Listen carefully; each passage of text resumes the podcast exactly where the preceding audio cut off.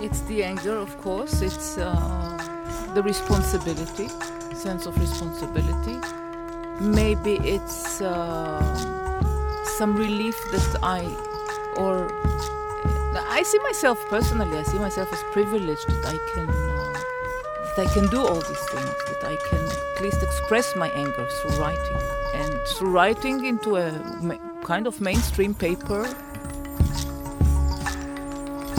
94.9 Açık Radyo